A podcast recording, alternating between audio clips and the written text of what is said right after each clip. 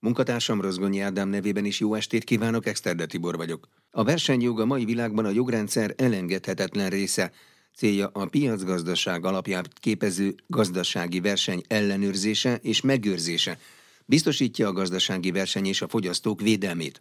Az Európai Unió Bírósága a legfontosabb európai igazságszolgáltatási szerv, amely a versenyjog egységes értelmezését és alkalmazását biztosítja az egész Unióban. Rozgonyi Ádám az Európai Uniós versenyjog egyik hazai szakértőjét, az Európai Unió Bírósága törvényszékének magyar bíráját, Kecsmár Krisztián kérdezte erről a speciális jogi területről. Az Európai Unió törvényszékének bírájaként alapvetően ugye igazságszolgáltatási feladatokat lát el egy bíró. Ugye tudni kell, hogy az Európai Unió Bíróság ugye ez egy, egy uniós intézmény, de azon belül két igazságszolgáltatási fórumban az egyik a maga a bíróság, a másik pedig a, a törvényszék, és a törvényszék az alapvetően egy ilyen közigazgatási bíróság, illetve egy elsőfokú bíróságnak tekinthető, és hát ugye azon belül természetesen, hogy azok az ügyeknek a a, a feldolgozása és ítélethozatal, amelyek a törvényszék elé kerülnek. Tehát alapvetően ez a, ez a munkám, és ezt csinálom már Fidesztól másfél éve. Miben más esetleg az uniós bírósági gyakorlat? Van-e különbség a Magyarországhoz képest? Hát ugye teljesen, teljesen, teljesen máshogy működik, és teljesen más a, ugye azoknak a ügyeknek a, tehát hogy teljesen más ügyekről van Ugye alapvetően az Európai Unió Bíróság az uniós joggyakosokat ugye vizsgálja, értelmező, ugye az uniós jognak az értelmezését és alkalmazását vizsgálja. Ugye az Európai Unió Bíróságán megjelenhetnek már előzetes döntéshozatali eljárások, amelyek során nemzeti jogszabályokat vesznek össze az uniós joga, és értelmezik, hogy ez mennyire felel meg különböző mélységekben. Ugyanattól függ, hogy a, a, a bíróság mennyire akarja megválaszolni azt a kérdést, amit egy nemzeti bíróság föltesz neki. Tehát alapvetően ebből a szempontból nyilván más, abból a szempontból nem, hogy ugye a, a magyar bíráknak is természetesen alkalmazni kell az uniós jogot, ugye már az ügyek, ügyek tekintetében azért, azért más, még akkor is, hogyha természetesen találkozik ez a kettő, ez a kettő jog, hogy az uniós jog az a, az a nemzeti jogszabályoknak a, a részét képezi, ami pedig hát ugye a munkagyakorlati oldalt jelenti, azt szerintem valószínűleg nagyon hasonló egy magyar bíróság munkájához, mint ügyszámmal is tehetetlenül. Ugye interjúnk témája, vagy az egyik témája, amelyben ugye tartottak már korábban egy ilyen beszélgetést is, ez tulajdonképpen a versenyjog, ami hát egy laikus hallgatónak talán nem biztos, hogy egyből érthető, vagy hogy pontosan mit foglal magába. Ezt esetleg el tudnám magyarázni, hogy alapvetően mi a versenyjog? Alapvetően a verseny jog az a, a jog, a gazdasági jognak egy, egy, egy ága, amely amely ugye a verseny, hogy is mondjam, tehát a piaci versenynek a, a, a védelmét biztosítja, ugye a gazdasági versenynek a védelmét, illetve ugye a, a, a fogyasztói érdekeket. És nagyon érdekes kérdés, hogy egész, akkor most melyiket is védi a verseny, ugye a, a, a, a fogyasztóknak a, az érdekét, ugye az úgy, úgynevezett consumer welfare, vagy pedig magát a, a, a gazdasági verseny.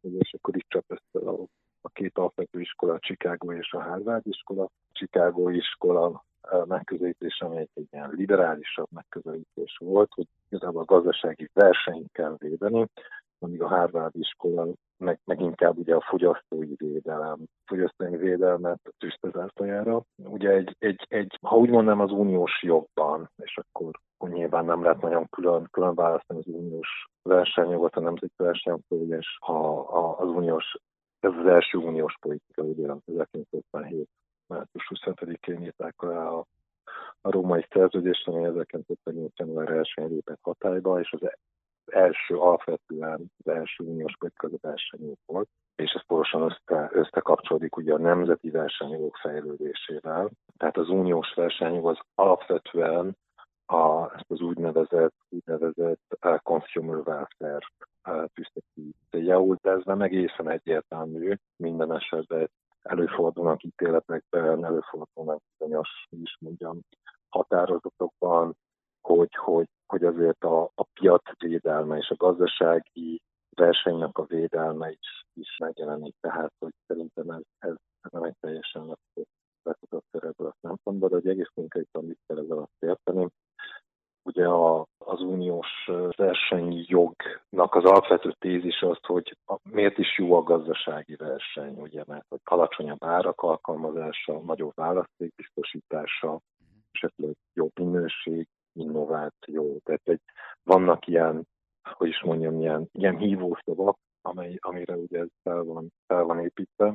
És hát ugye alapvetően három uniós versenyon belül három fő területet uh, tudunk uh, egymást elkülöníteni. Az egyik az, az, az, az úgynevezett exposed területek, ugye ez a ez a, a karteleknek a tilalma, illetve a gazdaságért előfölényel való visszaélés, ez a 101. szerkesztés cikkében jelennek meg.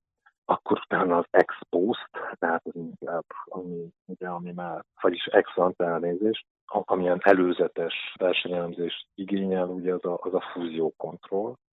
Tehát ugye ex post az már, már megtörtént, egy kalatán gazdasági visszaérés utólagosan tudja vizsgálni a bizottság, illetve egy nemzeti versenyhatóság, már megtörtént, és az egy szinte, hogy a fúziókontroll, meg ugye azt kell vizsgálni, hogy egy fúziónak milyen hatása lesz, milyen hatást tud fejteni az adatpiacon, hogy ez meg ex mert hogy ez még nem történik meg, nem történt meg, hanem ez, a, ez, a, ez az adott versenyhatóság engedélyéhez van kötve, hogy ez meg fog történni, és hogy az engedélyt ki tudják állítani, ugye az az kell, hogy, hogy vizsgálják, hogy jövőben esetleg mégis milyen hatásokat fog kifejteni a piacon az adott tranzakció, és akkor van egy tilalmi támogatás, egy tiltott állami támogatásoknak a tilalma, ami egy ilyen uniós uh, specifikum, hogy alapvetően az uniós versenyjognak az alapvető célja, amit a szerződésekben láthatunk, hogy ez a belső piac megfelelő működésének a biztosítása. Tehát az uniós versenyjog a belső piacra húzta fel ezt a, ezt a politikát. Azt érdemes még kiemelni talán, hogy a, ahogy már jeleztem, ugye vannak az expóz, tehát a, a, a, a kartelek tilalma, illetve a gazdasági erőszönnyel a a tilalma. Ugye ezt a kettő területet az uniós jogon belül a 101. 102. rendelet óta a nemzeti versenyhatóságok is alkalmazhatják ugye ezt a két cikket, amennyiben azok befolyásolhatják a tagállamok közötti kereskedelmet.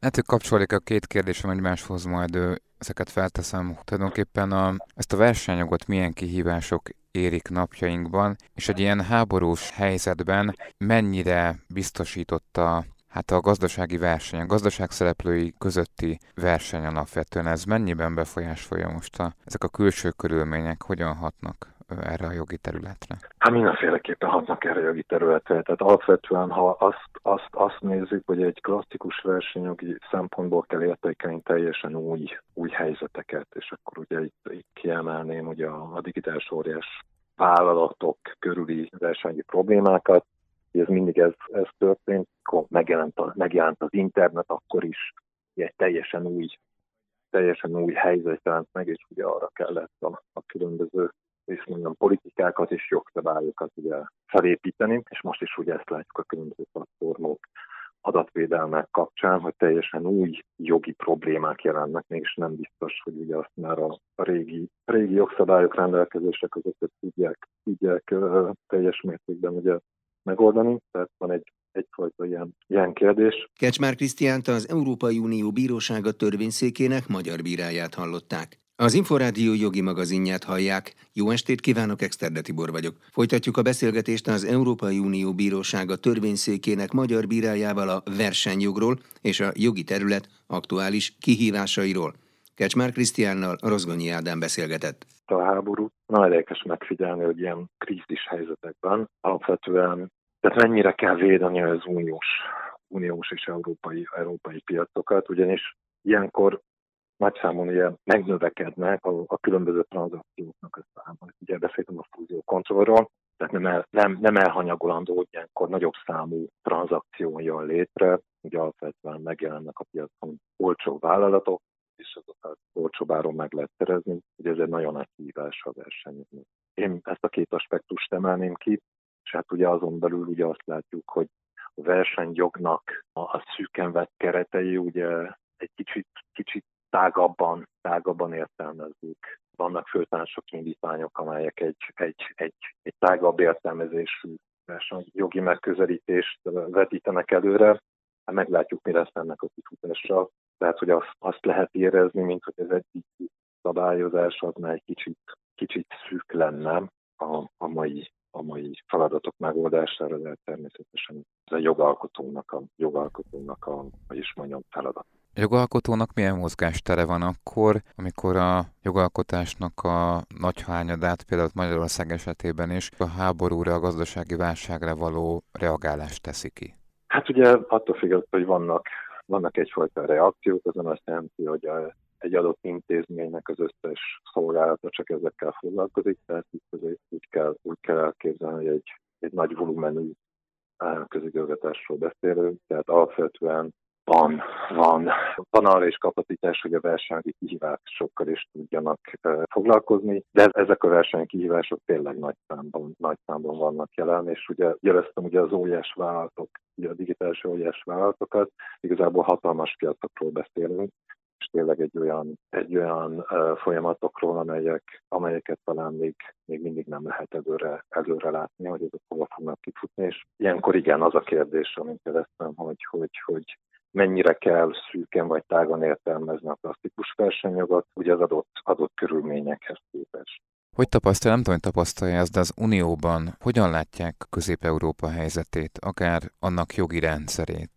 Mennyire látnak tisztán, vagy kapnak erről objektív képet, vagy kaphatnak egyáltalán? Hát, hogy mindig az a kérdés, hogy hát milyen, milyen szinten és milyen intézményről beszélünk. Nyilván, a, ami, az én, ami az én intézményemet érinti, a, a, az Európai Unió Bíróságát, ott ugye csak akkor foglalkozik vele egy adott intézmény, amennyiben oda kerül egy ilyen tematikájú ügy. Mondjuk a törvényszéken előzetes döntéshozati kéremek nem jelennek meg, tehát alapvetően ilyen témaügyek nem jelennek meg, tehát így, hogy is mondjam, mint ilyen közvetlen tapasztalat a munkám, munkám során nyilván erről így nem, nem tudok beszámolni. Hát ugye alapvetően más intézményemet teljesen más hogyan jelenhet meg. Ugye nyilván mondjuk egy tanácsban, vagy az Európai Bizottságnál teljesen más, más szempontok alapján esetleg van egy, egyfajta kialakult kép. Szerencsére nekem, nekem az én munkám során igazából mondjuk például ilyen kérdésekkel nem kell, nem kell foglalkozni. A versenyjoggal kapcsolatban esetleg van-e még olyan aspektus, amit nem érintettünk, és esetleg aktualitása van most vagy aktuális kérdésként merül fel? Meg lehet említeni, hát igen, ugye a verseny, versenyjognak, versenyok határának a szélesítését, ugye most talán nem is tudom, jövő héten fog kijönni egy ítélet, az úgynevezett Tower Cast ügyben, az Európai Unió Bíróságán, ami ugyanezt a kérdéskört veti fel, egy fúzió kontroll kapcsán, egy 20 évvel ezelőtti fúzió ami nem esett sem az uniós joghatája, sem pedig a nemzeti joghatája alá, ugye akkor ezt így nem vizsgálták, és, és, és felmerült kérdésként, hogy akkori tranzakció a mai nap milyen, milyen hatásokat vált ki, és hogy akkor azt mégis milyen, uh, milyen jogi eszközökkel lehet, uh, lehet orvosolni, és ugye ez egy előzetes döntéshozatali iránti kérelemként került az Európai Unió Bíróságának az asztalára, és hát uh, igen, ezt egy kicsit nehéz talán elmagyarázni, tehát ugye alapvetően a fúzió kontroll az nem egy, az egy ilyen, az uniós jognak az ilyen mostoha gyermeke volt, tehát nem létezett rá 1989-ig rendelet, ami szabályozta volna, hanem alapvetően a 101. és 102. cikket alkalmazták, csak hát ugye a jövőben. És uh, igazából az, az a kérdés, hogy ez, ez ugye egy olyan szabályozott, egy olyan szabályozott területre, amelyiken amelyiket ma már ugye a 169 2004-es rendelet szabályozza, alkalmazható-e egy régi tranzakció kapcsán, mondjuk az EU-nak a 102. cikkel. Nem tudom, hogy értetően tudtam elmagyarázni, kicsit bonyolult, de hát alapvetően mondjuk ez egy olyan ügy, ami, ami, ami nagy érdeklődésre tart. Kecsmár Krisztiánt az Európai Unió Bírósága törvényszékének magyar bíráját hallották. Paragrafus. Minden, ami jog. Továbbra is tart a Magyar Nemzeti Bank által indított piacfelügyeleti eljárás az úgynevezett Falkon ügyben. A jegybank arra kéri a befektetőket, hogy haladéktalanul jelentkezzenek a rendőrségen, ha nem kapták vissza a pénzüket, a gyanú szerint jogosulatlan tevékenységet végző társaságtól, mondta az Inforádiónak a Magyar Nemzeti Bank felügyeleti szóvivője.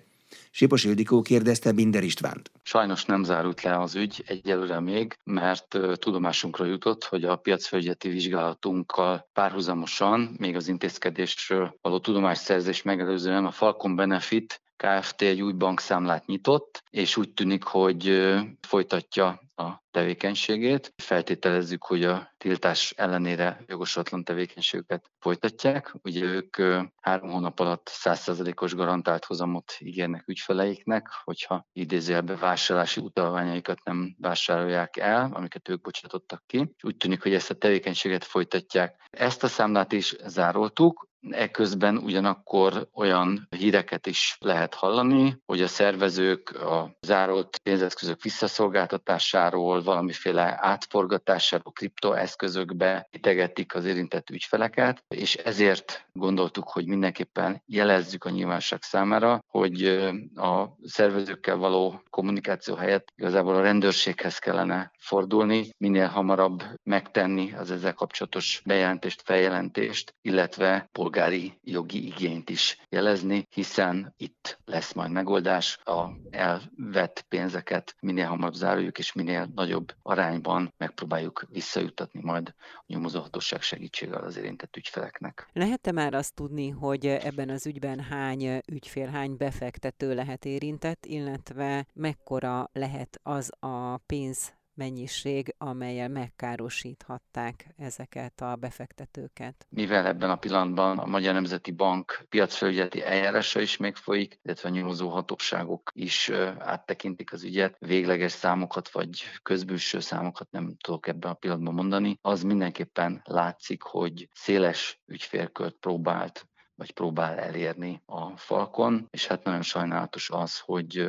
az intézkedésünk, illetve az ideiglenes intézkedésünk ellenére ezt a tevékenységet elképzelhető, hogy még nem zárta le. Az internet felhasználók legnagyobb félelme, hogy visszaélnek személyes adataikkal, és hogy adathalászat áldozatai lesznek, derült ki a Nemzeti Média és Hírközlési Hatóság legfrissebb kutatásából.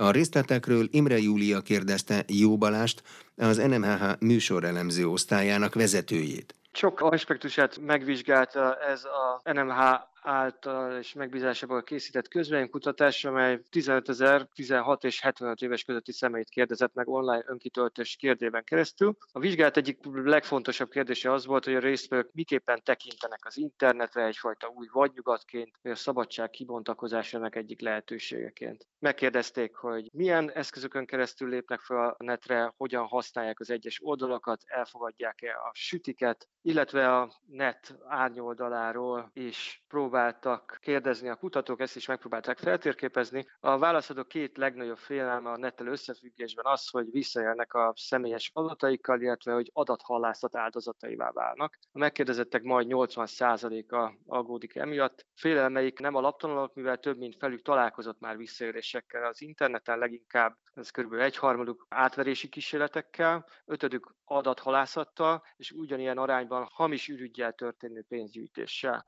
káros büntetendő esetekkel a megkérdezettek kb. 70%-a futott össze a weben, leginkább becsapós hirdetésekkel és különböző álhírekkel. A gyűlöletbeszéd és a trágányjelzet szintén gyakoriak voltak, kb. kétötödük már regisztrált ilyeneket az internetezés során a közösségi oldalakon hasonló arányokat mértek itt is a problématikus hirdetések, illetve hírek vezették a rangsort. Azt megkérdezték, hogy ilyen esetben kihez fordulnak segítségért az internet felhasználók? Körülbelül a megkérdezettek két ötöde jelentette az esetet az oldal üzemeltetőjének, vagy tiltotta le a felhasználót, vagy iratkozott le az üzeneteiről. 3 uk a rendőrséghez vagy egyéb hatósághoz is fordult. Ezekben az esetekben felerészt a rendőrséghez, 99%-ban a fogyasztóvédelemhez, illetve a Nemzeti Kivérvédelmi Intézethez, és 13%-ban pedig hozzánk a NMHH-hoz fordultak.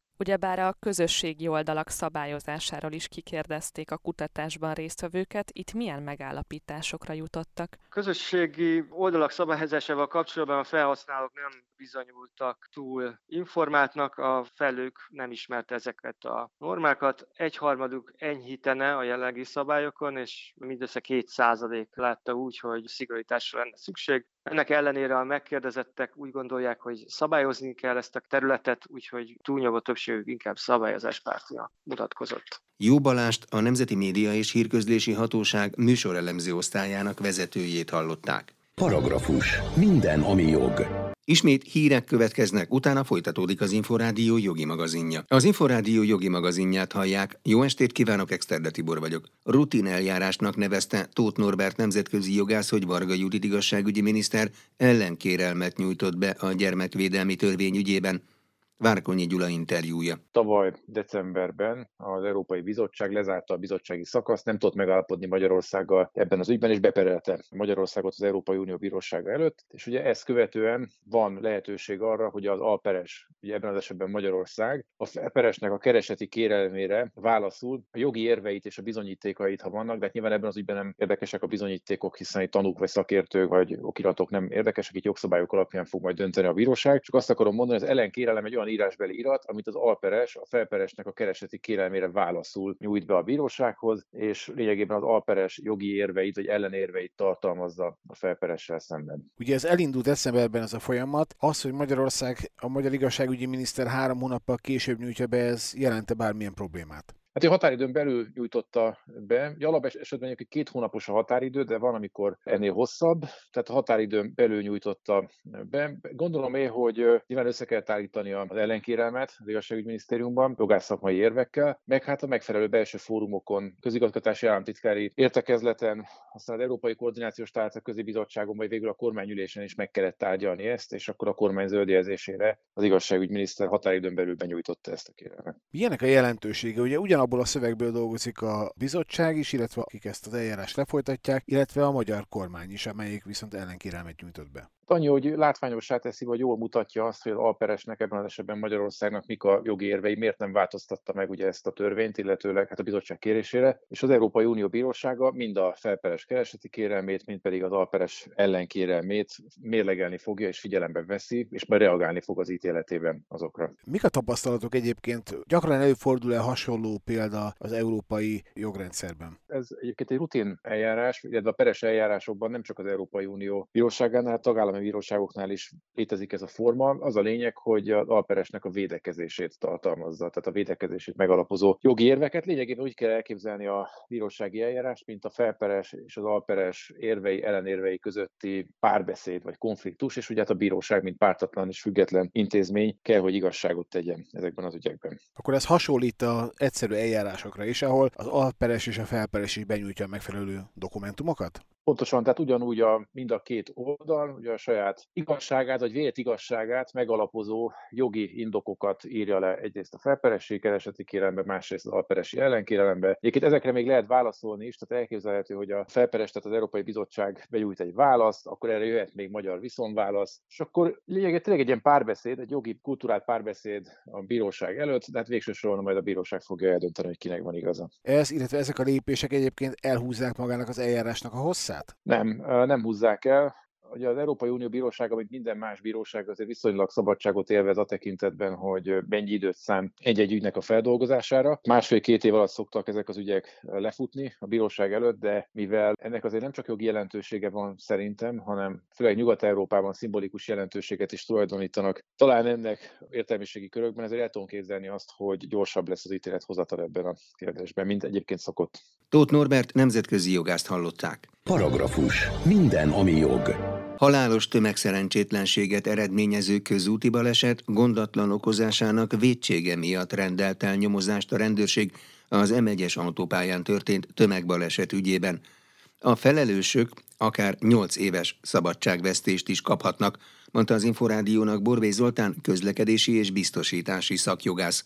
Szerinte a rendőrség meteorológust is bevonhat a vizsgálatba. Varga Mónika interjúja igazságügyi műszaki szakértő minden esetben a közlekedési balesetek mechanizmusa a baleset okainak feltárása a vége, tehát igazságügyi műszaki szakértő, igazságügyi orvos szakértő, hogy mi okozta a tragikus halálesetet, illetve a sérüléseket. Hát sok minden más, például a meteorológus szakértőt is bevonhatnak, illetve hát számtalan más szakértő is képbe kerülhet. Mennyi idő lehet egy ilyen nyomozás? Mennyire zajlik ez ilyenkor gyorsan? A gyanúsítástól számított kettő év, ezt egyszer hat hónappal az ügyész meghosszabbíthatja, de ebben az ügyben még nincs gyanúsított, tehát ez a kettő év még nem kezdődött el. Kinek a felelőssége merülhet fel egyébként egy ilyen ügyben? Mindenképpen elsősorban azon autósok felelőssége, akik nem tartották be a követési távolságot, de hogy ezt miért nem tették, illetve hogy egyáltalán volt a lehetőség erre, na ez például a műszaki szakértői kérdés. A másik, hogyha valaki nem csökkentette a sebességét a jelzések ellenére, adott esetben a megengedett sebesség alá, hogy belássa a követési távolságot minimum, illetve felmerülhet kívülálló személyek felelőssége is, hogyha adott esetben várható volt ez a katasztrófa helyzet, és mondjuk valaki nem tett meg mindent a veszélyhelyzet elhárítására. Ez lehet akár foglalkozási szabályszegés, de lehet akár bondatlanságból elkövetett közlekedés biztonság elleni bűncselekmény. Tehát egy foglalkozás körében elkövetett veszélyeztetés, közlekedés biztonság elleni bűncselekmény, és amiben elrendelte a nyomozást a Pest megyei rendőrfőkapitányság, halálos tömegszerencsétlenséget eredményező közúti baleset gondatlankozásának védsége. Tehát akkor az autópálya üzemeltető felelőssége is felmerülhet? cégnek a felelőssége soha nem merülhet fel, a büntető kizárólag természetes személyek felelősségét vizsgálja, de például olyan személyek felelőssége felmerülhet, akiknek például az autópálya biztonságos üzemeltetése a feladata, és ez lehetséges természetes személy, de cég soha nem lehet ilyen tekintetben büntetőjárás alanya. Milyen büntetésre számíthat, hogyha megtalálják a felelőst vagy felelősöket? A halálos tömegszerencsétlenséget eredményező közúti baleset gondatlan okozásának védsége 2-től 8 évig terjedő szabadságvesztéssel fenyegetett. Ez azt jelenti, hogy ennek a középmértéke 5 év. Elképzelhetőnek tartja, hogy a porvihar miatt végül is senkit nem lehet majd felelősségre vonni, tehát hogy ez egy olyan hirtelen időjárási jelenség volt, amire senki nem számított, senki nem számíthatott, ezért nem lehet majd balesetben felelős találni? A Viszmajor esetét ez azt jelenti, hogy nagyobb erő. Ezt annak idején már a római jog is definiálta, amelynek az emberi gyengeség ellenállni nem képes. Ez a Viszmajor. Az, hogy ez Viszmajor volt, én azt gondolom, hogy ha nem is vitathatatlan, de vegyük úgy, hogy szinte ténykérdés. A Viszmajorért egyébként kérdés, hogy kifelel, vagy egyáltalán felelhet-e valaki, illetve hogy ez a Viszmajor helyzet mennyire volt elhárítható, vagy ha már bekövetkezett a Viszmajor helyzet, vagy bekövetkezett adott esetben egy közveszély, lásd a vörösi szapügyet, amikor az is kérdés volt, hogy az, hogy maga ez a közveszély előállt, ezért lehet, hogy van felelős vagy nincs felelős, attól függ persze, hogy milyen ügyről beszélünk, de ilyenkor a veszély minél hamarabbi elhárítása is egy alapvető kötelezettség, nyilván ezt is vizsgálni kell. Borbé Zoltán közlekedési és biztosítási szakjogást hallották. Paragrafus. Minden, ami jog. Precedens értékű ítéletet hozott az Emberi Jogok Európai Bírósága az adósok adatnyilvánosságának magyar szabályozásával kapcsolatban. Herceg Zsolt mondja a részleteket. Egy magyar vállalkozónak 2013-ban csak nem 240 millió forint adóhátraléka volt, és a KFT-je számlájáról felvett 2 millió euró után nem fizetett személyi jövedelemadót. Az adóhatóság 186 millió forintos bírsággal sújtotta, illetve feltette őt a jelentős adósok elnevezésű listájára, a tartozásának összege mellett nyilvánosságra hozva a lakcímét és az adóazonosító jelét is. Ebből az adatbázisból csak akkor törölték, amikor 2019-ben elévült az adóhátraléka. A hatóság törvényesen járt el, hiszen a vonatkozó jogszabály szerint közzé kell tennie azoknak a személyes adatait, akik 180 napnál régebben tartoznak 10 millió forintnál nagyobb összeggel. A vállalkozó az Emberi Jogok Európai Bíróságához fordult. Az Európa Tanács felügyelete alatt működő Strasburgi testület megállapította, hogy az adósok adatainak nyilvánosságra hozatalát előíró magyar jogszabály sérti az Emberi Jogok Európai Egyezményének 8. cikkét, ami a magánélet, a családi élet és az otthon tiszteletben tartásához való jogot garantálja, mondta az Inforádiónak a vállalkozó jogi képviselője Karsai Dániel ügyvéd alkotmányjogász. A Strasburgi Emberjogi Bíróság két dolgot tud megítélni. Egyfelől megállapítja az emberi jogi egyezmény sérelmét, azaz jogi és erkölcsi igazságot szolgáltat az ügyfélnek, ez megtörtént, illetve megítélhet vagyon és nem vagyoni kártérítést. Ebben a konkrét ügyben kártérítést az ügyfélnek nem ítélt meg, mindösszesen az eljárás alatt felmerült költségeit ítélte meg neki. Egy-két cikkben az jelent meg, hogy 20 ezer euró kártérítést kapott az ügyfél, nem, nem kártérítés, ugye az az ügyvédi munkadíj. Ez egy precedens értékű ítélet, hívta fel a figyelmet az ügyvéd. Az összes olyan személy érintett, aki az adós listán jelenleg is fönn van, ezek után nem a siker esélyére, hanem a siker bizonyosságával fordulhat Strasbourghoz, mivel az ő magánéletük sérelme az bizonyosan megállapításra kerülne. Konkrét következmény, hogy az adós lista szabályozása, ahogy most a magyar van, az bizonyosan nem maradhat úgy. Mert a magyar államnak az egyezmény 46. cikke értelmében kötelessége végrehajtani a döntéseket, amiket Strasbourghoz mind konkrét egyén tekintetében, mind általánosságban is. Most a jogalkotó oldalán pattog a labda, hogy hogyan változtatja meg a adójogi jogszabályokat, amik ezt a jogintézményt rendezik, és ugye itt nincs sok idő, mert akár ma postázásra kerülhet több száz hasonló tárgyú beadvány. Karsai Dániel ismét hangsúlyozta, hogy az ő ügyfelen nem kapott sérelemdíjat, de az új ügyekben még akár erre is sor kerülhet, a jogalkotónak tehát sürgősen foglalkoznia kell ezzel a témával. Paragrafus. Minden, ami jog. Jogi magazinnal legközelebb egy hét múlva jelentkezünk. Munkatársam Rozgonyi Ádám nevében is köszönöm figyelmüket, Nexterde Tibor vagyok.